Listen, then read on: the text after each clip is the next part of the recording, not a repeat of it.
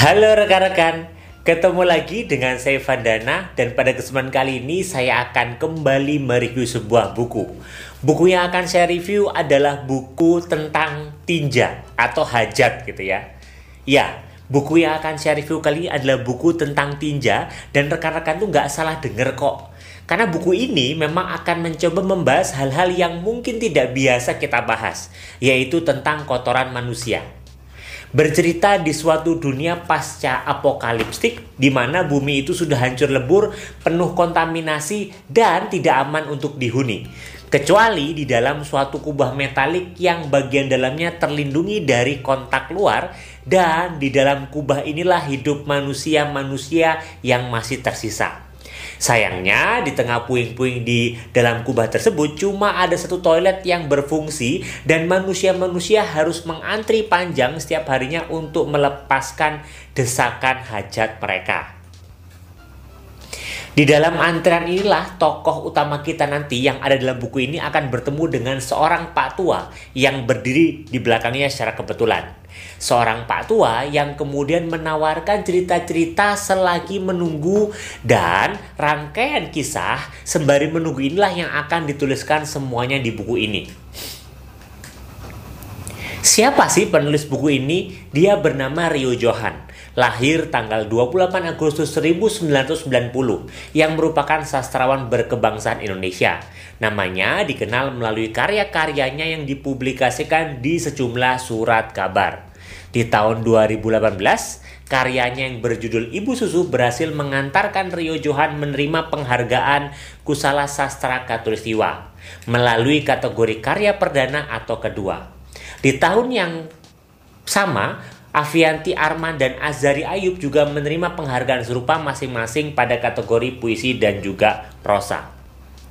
Mungkin sebagian dari rekan-rekan kemudian penasaran, buku ini isinya tentang apa sih? Bener gak sih tentang hajat atau tinja? Ya, dalam buku ini tuh ada banyak sekali kata-kata yang berhubungan dengan tinja ataupun hajat yang mungkin sebagian orang melihatnya, ih kok jorok sih, oh kok kayaknya gini sih. Tapi menariknya adalah buku ini menggambarkan dengan realistis kehidupan yang mungkin terjadi dan membuat kita seakan-akan berandai-andai. Ah, kayaknya kalau seperti ini bisa nggak ya terjadi gitu ya. Secara umum ada beberapa bagian dalam buku ini. Seperti yang pertama ada cerita tentang putri raja yang kejatuhan tinja. Bagian ini menceritakan kisah seorang putri raja yang tak disangka kejatuhan tinja yang mengubah kehidupannya.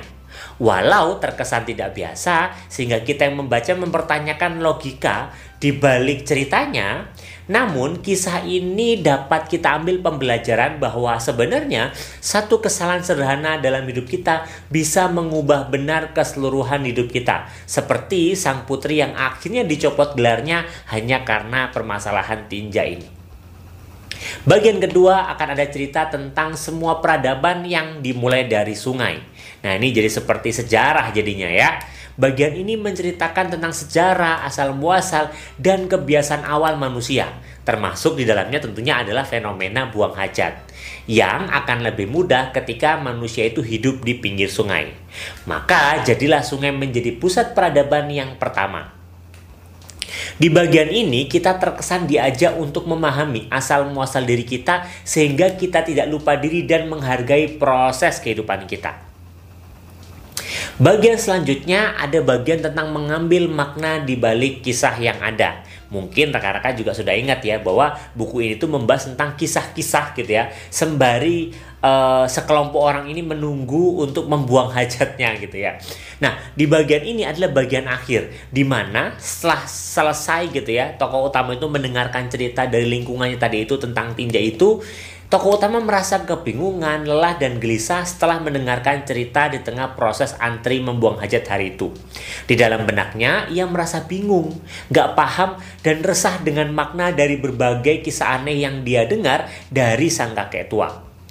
Ada desakan dalam dirinya untuk protes karena belum bisa mengambil makna sampai akhirnya ia menyadari bahwa itulah sebuah kehidupan.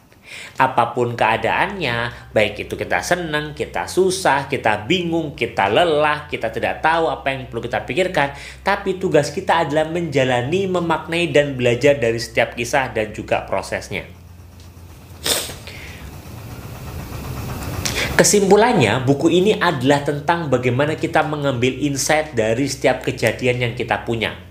Seperti di bagian akhir kisahnya di mana sang tokoh mencoba menafsirkan makna dari setiap kisah yang disampaikan oleh sang kakek tua di mana ada kisah yang jelas, ada yang tidak jelas, ada yang aneh, absurd, dan juga banyak lainnya. Namun, satu hal yang pasti, kita semua selalu punya hak untuk memaknai sesuai persepsi masing-masing. Sama seperti liku-liku kehidupan kita, yang tentunya setiap orang bebas mengambil makna dari situasinya. Jadi, sudahkah Anda mengambil makna dari setiap situasi yang ada?